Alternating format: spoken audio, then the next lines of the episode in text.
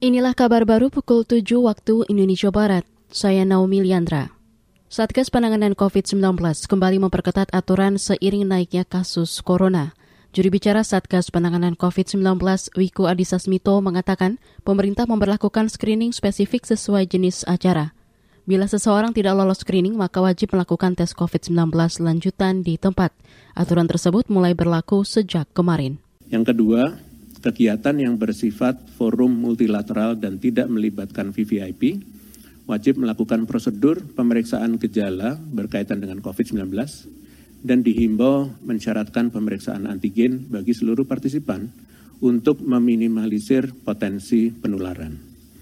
Yang ketiga, kegiatan yang tidak bersifat forum multilateral dan tidak melibatkan VVIP wajib melakukan prosedur pemeriksaan gejala berkaitan dengan COVID-19 dan dilakukan tes antigen bagi pelaku suspek COVID-19.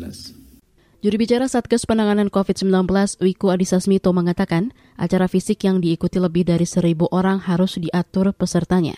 Penyelenggara juga harus mendapatkan rekomendasi dari Satgas COVID-19 dan Polri. Data Satgas Penanganan COVID-19 kemarin menunjukkan terjadi penambahan 1.600-an kasus positif baru. DKI Jakarta menyumbang jumlah kasus terbanyak hingga nyaris 1.000 kasus. Dewan Adat Papua tegas menolak pemekaran Papua Ketua Umum Dewan Adat Papua Dominikus Sorabut mengatakan tiga rancangan undang-undang RUU Daerah Otonomi Baru DOB yang akan segera disahkan menjadi undang-undang adalah hasil dari permainan politik kelompok-kelompok tertentu, bukan aspirasi rakyat Papua. Jadi ini kan lahir dari hasil apa itu pelacuran kelompok-kelompok oportunis politisi yang ambigu termasuk presiden sendiri soal Papua, rakyat Papua kan secara terbuka selalu sampaikan, mari kita duduk selesaikan soal. Tapi negara selalu menghindar takut dan dia menciptakan desain-desain baru untuk memperkuat posisi Jakarta di Papua, tapi juga bagaimana Jakarta membuat satu desain besar untuk kecepatan orang Papua harus sengkar dari tanah Papua. Dominikus mengatakan bukan pemekaran yang diinginkan masyarakat adat Papua, melainkan dialog antara masyarakat adat Papua dengan pemerintah yang menurutnya sejak lama belum diselesaikan.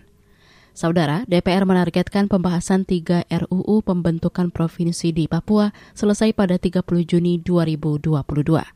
Target tersebut diungkapkan Ketua Komisi 2 DPR RI Ahmad Doli Kurnia setelah Komisi 2 menyepakati pembentukan panitia kerja saat rapat kerja dengan Mendagri Tito Karnavian dan pimpinan Komite 1 DPD RI Philip Wamamfa.